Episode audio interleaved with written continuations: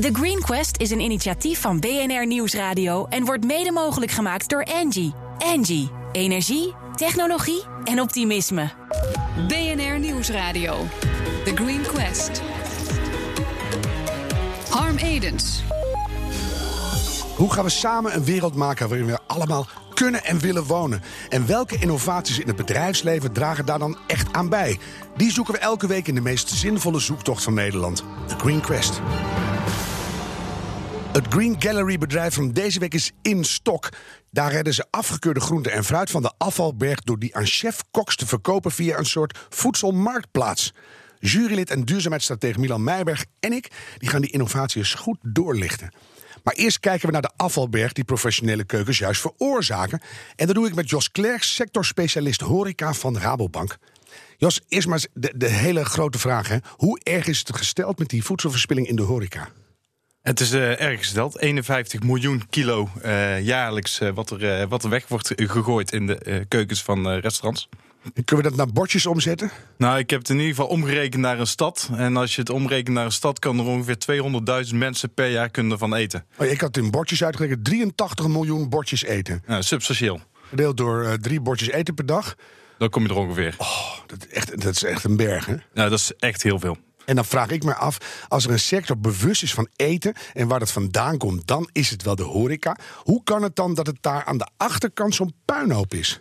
Nou, het is niet alleen aan de achterkant, denk ook aan de voorkant. Uh, maar het heeft met name te maken dat een, restaurant uh, continu bezig is met een optimale gasbeleving. Daarnaast te maken heeft met uh, relatief, of eigenlijk met personeelstekorten in in de sector. Waardoor er eigenlijk te weinig aandacht is uh, voor de problematiek rond voedselverspilling. Maar ik was uh, de afgelopen week op een groot duurzaamheidsfestival. En daar aten we alleen maar overgebleven eten, afgekeurde tosties. En allemaal dingen die heel mooi opnieuw geserveerd werden. Fantastisch eten. En daar waren we heel blij mee. Restaurants kunnen zich denk ik heel goed onderscheiden van zero waste. Gaat goed, hergebruikt. Dat zijn dingen van, van deze tijd. Ik denk zeker dat het uh, van deze tijd is. Restaurants zouden er ook juist mee bezig moeten zijn. Uh, daarnaast, het levert ook gewoon meer, een betere marge op. Hè? Dus als je de voedselspilling tegen kan gaan... en je weet al dat de marge in de horeca klein zijn... Ja, dan is dit iets wat op, uh, op de stoep ligt om heel makkelijk te rapen. Ja, letterlijk. Letterlijk, ja. ja. Ja. Nou hoor je toch wel steeds meer over food waste. Meestal is dat Engelse woord eraan geplakt. We hebben start-ups als Waste Watchers en Wasteless en ga maar door. Is er niet al meer dan genoeg aandacht voor? Is het niet alleen maar een kwestie van nu gaan doen? Uh, nou ja, met name het doen is, uh, is nogal moeilijk. Uh, wat, wat wij ervaren nu we het op de kaart aan het zetten zijn, is dat restaurants die we vragen om mee te doen met ons om de verspilling tegen te gaan, eigenlijk niet zo goed weten waar ze moeten beginnen. En daarmee proberen ze juist nu te helpen. Ja, daarom zijn jullie in, in, de, in de berg gestapt. Heb je al een beetje inzicht naar analyse wat de grootste verspilling is? Waar zit dat? Wordt er te veel ingekocht? Zijn de porties te groot dat het alsnog op het bord wordt weggegooid? Nou, dat is per restauranttype is dat verschillend. Uh, enerzijds zit in de keuken. Hè, dat de keuken eigenlijk uh, al verkeerd fileert of verkeerd, verkeerd maakt. Hè. Dus daar zit een stuk, stuk van de verspilling. Of portionering is te groot. En als je kijkt naar buffetten, dan heb je helemaal een andere problematiek. Omdat we eigenlijk geen nee willen verkopen. Ja, maar daar sta ik af en toe mijn bovengebit vast te houden, zeg. Want dan staan ze van alles aan te bieden. En dan kijk ik naar afloop expres even in de keuken. Dan, wat, er gaan hele vrachtwagens gewoon naar de horizon. Ik uh, was afgelopen week bij een hotel en uh, na het ontbijt en ik mocht daar de keuken in. En dat was een, uh, nou ja, een slagveld. Een redelijk slagveld wat, oh, uh, wat daar te vinden was. Dus dat is echt absurd. Ja. Ik kijk even naar ons jurylid Milan. Want jij hebt bij Popfestival Digital je ook echt flink bemoeid met de voedselhoek. Want er wordt nogal wat afgegeten op, op die popfestivals. Muziek maakt hongerig. Heb jij daar ook echt de verspilling kunnen aanpakken? Uh, ja, dat is eigenlijk ontzettend goed gelukt. we hebben allereerst, toen ik daar nog werkte, in kaart gebracht hoe groot die verspilling nou precies was. Want ja, voordat je een probleem kan aanpakken, moet je weten wat, uh, wat het probleem is. Mhm. En vervolgens zijn we het niet gaan kijken als afval, maar als een grondstof. En hoe we dat vervolgens hebben kunnen hergebruiken op een circulaire manier. En waren mensen blij met je? Uh, ja, zeker. Want ja, wie wilde nou, zo min, wie wilde nou geen uh, verspilling? Hè? Dat, uh, wie wil nou verspilling stoppen? Um, maar er zaten wel wat kanttekenen aan hoe je dat nou precies in de praktijk brengt. En daar waren sommige mensen weer wat minder blij mee. Ja, en een popfestival is dan nog relatief overzichtelijk. Laat staan, wat jij doet, Jos, zo'n hele branche aanpakken. Ja. Dus zijn jullie een project gestart, Food Waste Challenge. Jij daagt restaurant uit om eens goed in hun eigen afvalbak te kijken. En dan de vraag te stellen, hoe kan je dat nou verkleinen? Juist, ja. Wat voor antwoorden komen daar omhoog? Nou, eh, in eerste instantie zijn ze blij dat ze geholpen worden. Eh, dus we zien nu eh, dat de restaurants die zich nu in hebben geschreven... echt blij zijn eh, dat we ze gaan helpen om eh, eigenlijk te laten zien waar die verspilling zit. En alleen al dat eh, zorgt ervoor dat ze ermee aan de slag gaan op dit moment. Kan je al een paar insights noemen van eh, wat, wat komt er zo omhoog? Nou, de eerste metingen vinden op dit moment plaats. Eh, maar eh, om, ja, sorry voor mijn taalgebruik, maar de eerste reacties waren: holy fuck, wat gooien wij veel weg? Ja. Ja, Hè, dus dat, dat echt een, eh, een- het awareness creëren, eh, dat, dat is heel belangrijk. En daarom is het meten aan de voorkant zo belangrijk, eh, dat je die awareness creëert. Zowel Mhm. bij keuken als bij eh, bediening. Want het zit niet alleen in de keuken, het zit ook eh, bij, de, bij de bediening. is eigenlijk overal. Hè? Het- Ik zat in, in- een tijdje geleden in Engeland te eten. En mijn blik viel op het bord naast mij. Daar at een man, en dit is blijkbaar een naam voor, ik ben het vergeten. Een andere steak van 2,5 kilo. En zijn vrouw zat er licht zuchtend tegenover. En die kreeg hij uiteraard niet op. Ze kan je ook zeggen, weet u het zeker? Het was een best een grote man, maar bestel het dan niet, denk ik. Ja, dat is, dat is dus al één ding waar je goed naar moet kijken. In ieder geval naar je aanbod. Eh, daar kan je heel veel in doen. Dus kijk goed naar je portioneringen, hoe, eh, hoe je die opbouwt. Maar je ziet gewoon dat er nog heel veel eh, ja, bij debras gewoon weggegooid wordt. Ja.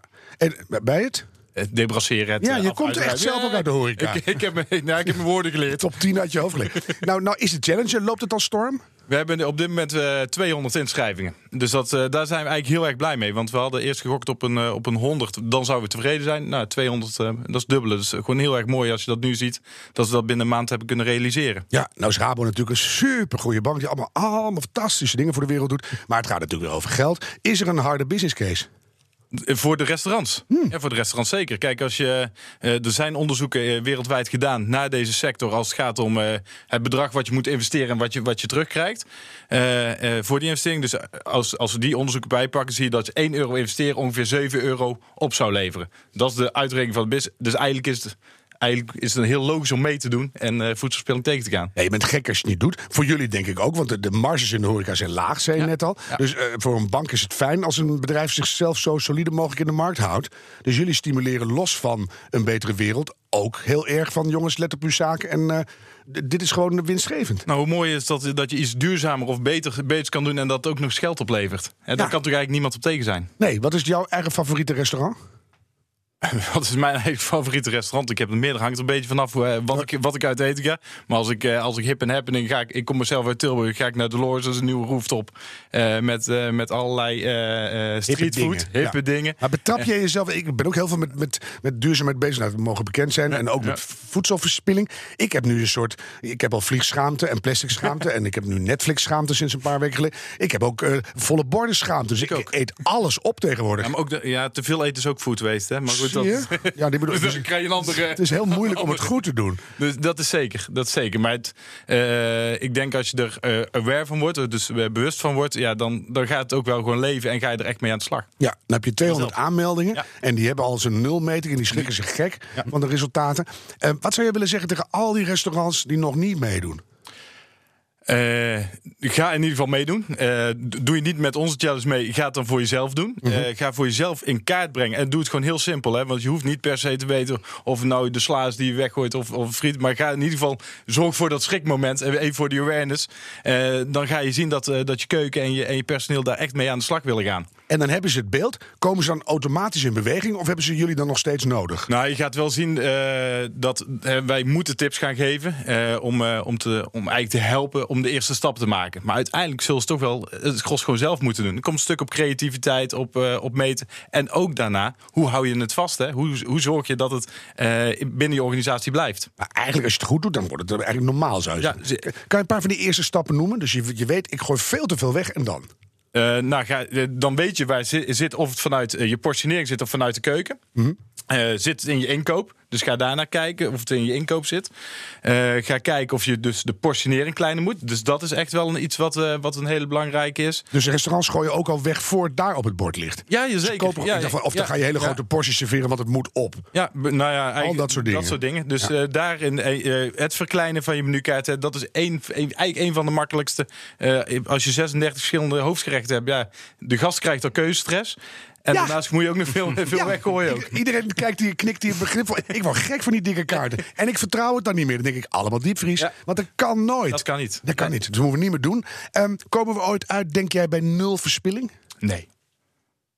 Heel klein beetje verspilling? Eh, i- wij zijn in ieder geval blij als het eh, 50% gereduceerd is. Ik dacht of we gingen voor 90%. Dat zou hartstikke mooi zijn. Ik denk dat we.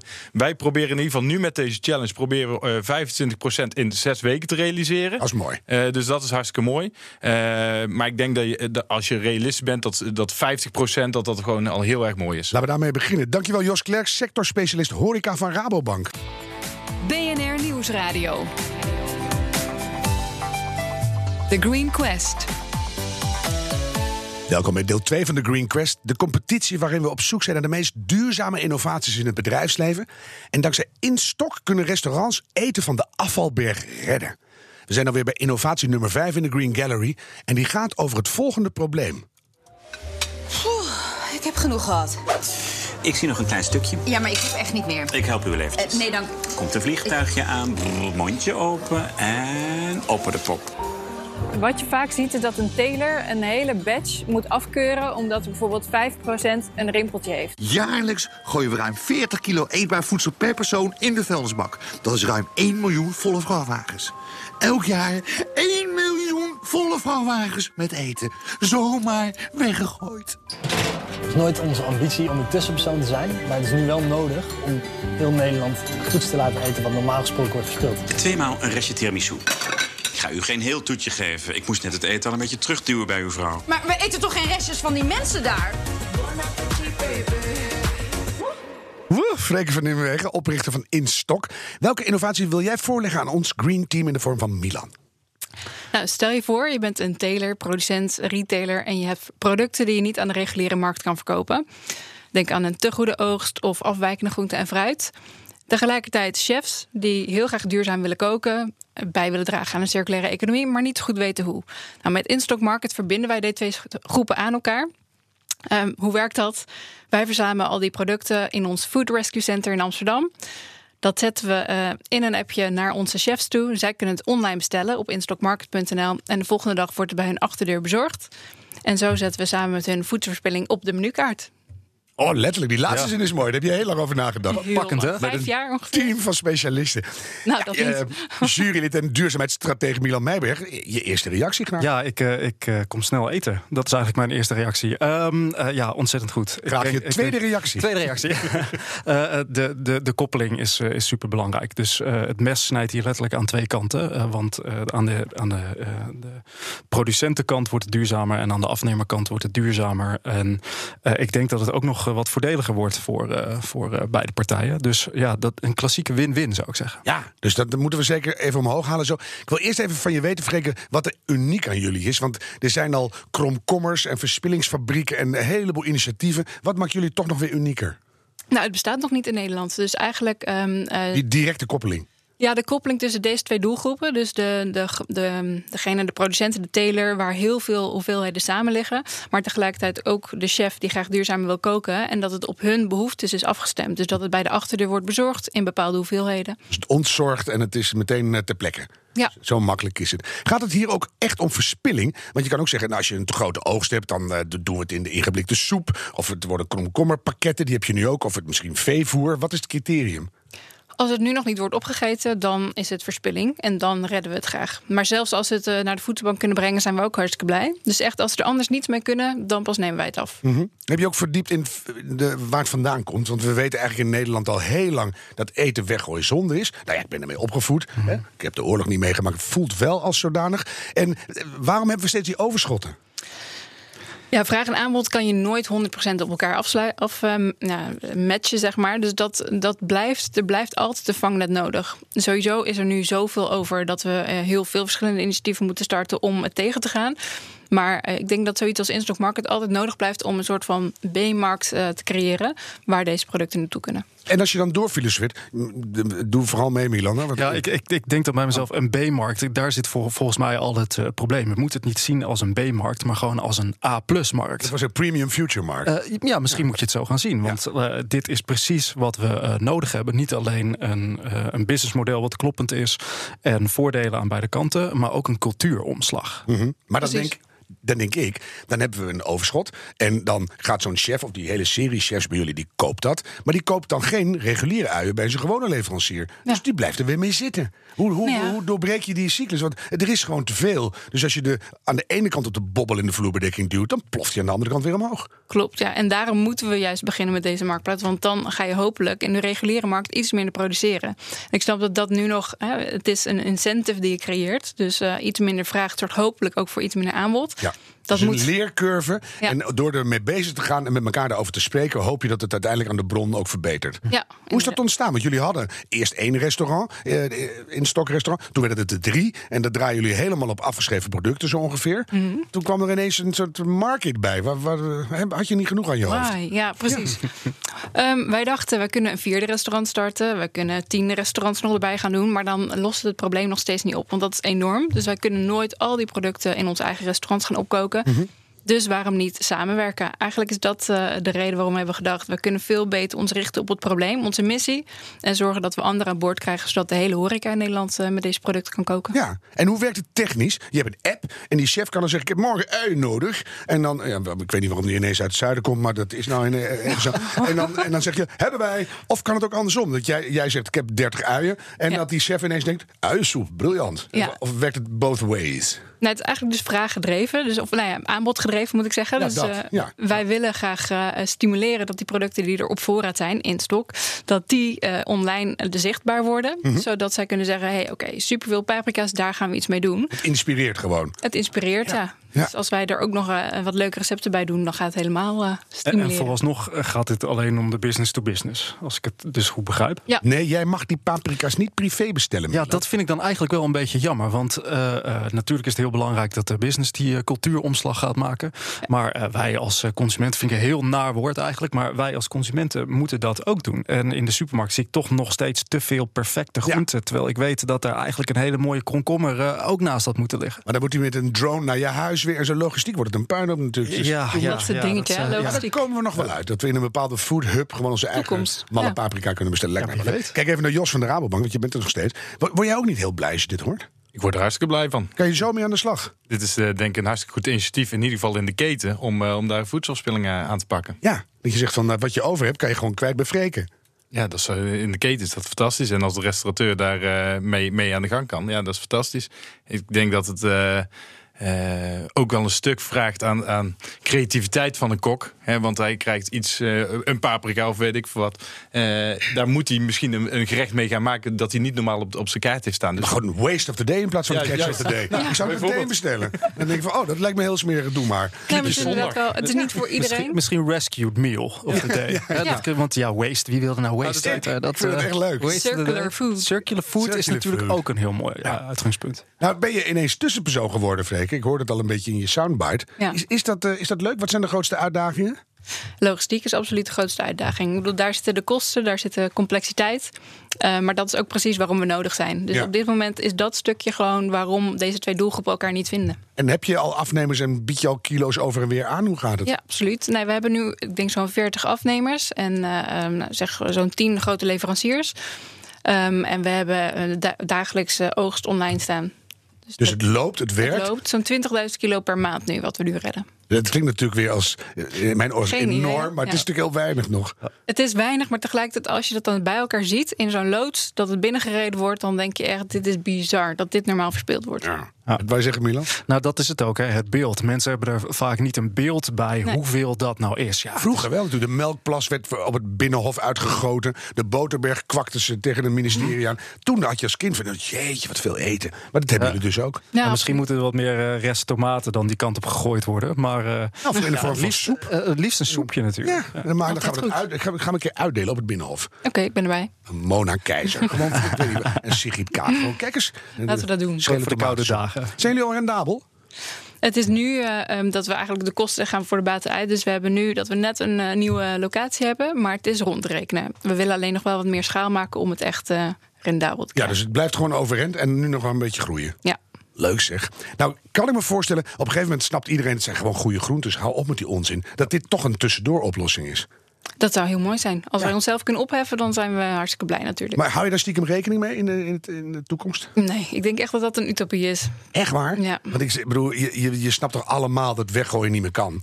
Nee, klopt. Maar het is ook een, een, complexe, een complex probleem. Het blijft natuurlijk, de weersomstandigheden blijven altijd eh, moeilijk te voorspellen. En het, het vraagt, ja, dat wisselt natuurlijk afhankelijk van, eh, van het weer ook weer. Ja, was het vorig jaar te weinig uien, dit jaar vast weer te veel. Nou, weet het was ook weer droog. Het zou toch geweldig zijn als de Unilevers en de, en de, en de Unox soepen er gewoon klaar voor staan. Dat ze zeggen, oké, al naar gelang het aanbod maken wij het product. Ja, maar die, die keten is nog niet zo flexibel. Dus dat zou eh, een mooie toekomst zijn. Die kunnen ongelooflijk veel van jullie leren. Laatste wijze opmerking, Milan. Ik, ik denk eh, c- circulariteit is natuurlijk een belangrijk begrip. Want dit is de inkoopkant, maar de outputkant moet ook aansluiting vinden. Dus eh, hè, dat zijn vooral de grote bedrijven die daarop moeten focussen. Je bent niet voor niks een duurzaamheidsstratege. Dankjewel, Freke van Nimwegen, jurylid Milan Meijberg en Jos Klerks, sectorspecialist horeca van Rabobank.